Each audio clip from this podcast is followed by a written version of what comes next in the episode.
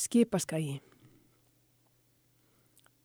Næturljósinn á floti yfir nýmáluðum hústökum, síndar logn og þessi strompur sem allar aldrei að hætta að reykja. Hér er betra að vera en koma og fara. Sandurinn langi gleipir skíaborgir en stundum er eins og einhver hafi rist okkur frá landi við innstafóg og innúr, nýsauðmuð segl, síndar byr, fljótum sásökarlaust út flóan. Brot úr smásúinni sveigðir hálsar. Dægin sem gírafannir komu var hægur andvari að austan. Sennilega hefði sunnanátt verið betur við hæfi í ljósi landafræðinar en heimildir veðustofu, staðfestu og ítrykkuðu, austan fjórir, gráð, hiti tólstig. Setna mundu allir dagsetninguna umhugsunar löst og gáttu borið um hvar þeir voru stattir þegar þeir sáuð á fyrst.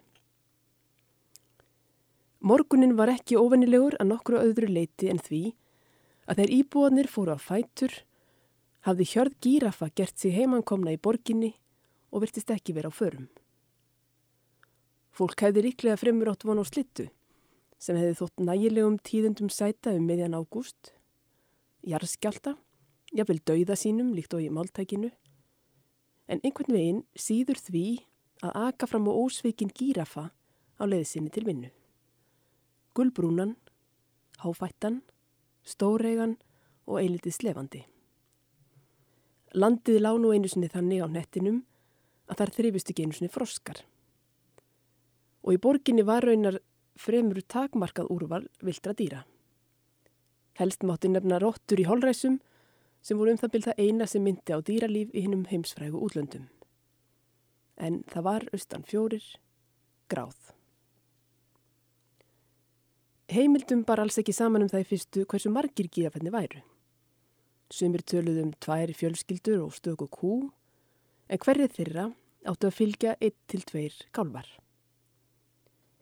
Aðri töldu að gírafinn væri einungis einn en íkjur og trúgirtni hefðu markvalda því einmanna dýr sem vilist hefði af leið. Eftir fyrsta ríkisfréttatíman, þar sem henni óvæntu heimsók var líst, leittu simringingar aftur á móti í ljós að dýrin hlutu að skipta tögum og höfðu drift sér um allra borg. Margir töldu dreifinguna grunnsamlega skipulaða og óttuðust að um hriðiverk geti verið að ræða. Utaríkisræðunetti sá ástöðu til þess að reykja þær sögursagnir formlega í sjómarsfrettum og voru kallaðir til þess tveir náttúrufræðingar. Á sama tíma komu saman til skyndifundar, yfirvöldu veiðistjórnunar, ásamt spendýralífræðingum að hálfu hins ofinbera og meindiræðum, en engin viðstadra var beinilis fróður um atverðli gírafa. Auk þess sem svo tegund heyriði samkamt lögum ekki undir neina af þeim stopnunum sem í borginni störfuðu. Ákveði var að fylgjast með umferð gírafan á fjarlægð þar til fleira væriði komið í ljós um fyrirallanir þeirra. En gírafannir reyndust ekki hafa á prjónunum aðrar fyrirallanir en jórtur dýrar með tafa, finna sér æti, kvílast og reka einfalda fjölgunastefnu. Og eins og fyrstu sjónavottar höfðu svo réttilega sagt, virtust þeir ekki vera að fara neitt. Vandraðilegu skortur á hárestum trjám í borgarlandinu var fljótlega ljós. Í borginni mættu gírufunum ekki aðri jafningar en mjósleiknir ljósastörar sem lungu voru hættir að bera lauf og börg. Pottablóm á efri svölum húsa urðu fljótlega uppurinn. Dýravinir auglusti í útvarpi eftir hendugum beitilöndum, jáfnvel út á landi, og buðist þá til að reka hjörðina þangað, en fátt varðum svör. Skóarbændur höfðu ekki trú á því að gírafanni litu við bartrjám og týndu heldur ekki jólatrjánum sínum til argerar tortímingar. Gras var að sjálfsögðu frátekið fyrir söðfí. En gestritni borgarbúa auðveldaði aðlugun gírafanna nokkuð. Þeir, það er borgarnir, fundu upp hjá sjálfum sér að skilja eftir bala og vaskaföld með tæru vatni á svölum og bilskúrstökum. Einhverjir gerði jafnvel góðviljaðar tilröynir og komist að því að ólífuólja í vatninu var vel þegin sem og kvítvin á köplum og smám saman fór fólk að geta séð af stöku kálhaus og kryddjört jafnvel örbylgju popkorninu frá kvöldinu áður. Áhrif gírafanna urða sönnu margvísleg. Með nærveru þeirra fór smám saman hæja á hjartslætti þjættbílisins. Ekki síst vegna þess að gírafannir virtu engin umfyrðaljós eða þar tilger skildi. Eiginlega urðu þeir sjálfur að umfyrðamerkjum því þaðan sem gírafi kom tvöldandi hafði umferð forgang. Og þegar gírafinn namn staðar á gatnamótum námu aðvífandi farartæki einnig staðar. Þótti þetta hafa góð áhrif á borgarna og dró um hríð úr streytutengdum sjúkdómum. Sumir mistu þó svepp þar er dýrin völdu gerðnan skjólgóða sólpalla til síns hávara hjórturs um nætur. Í auðlýsingum byggingavöruverslana var fólki ráðlat að mála palla sína í felulitum til þess að villa um fyrir skefnunum og voru grænir tónar jafnvel settir á tilbóð. Heimskuleiri ráð hefði vart verið hægt að gefa.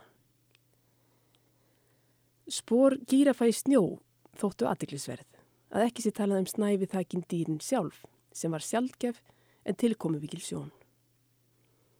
Fyrsta daginn sem snjóaði kom það sumsi svo flatt upp á veselingsskefnunar að þær þorðu ekki að reyfa sér langt fram til degi. Voru af þessum kringumstæðum teknar myndir sem byrtust í blöðum um allan heim. Veturinn sem í hönd fór var óvenju harður. Lungu síðar, þegar slæða alþýðu sagna hafði lagst yfir heims og gírafanna, þótti vita á hallari og þrengingar að dreyma gírafa, sér í lagi halda. Annars var ekki vita til þess, þar og þá, að gírafar hefðu nokkra sérstaka merkingu samkvæmt almenri þjóðtrú eða tákfræði og svektu sumir sig á því að ekki skildi vera um einhyrninga að ræða, sem hefði það sönnu einfaldað margt.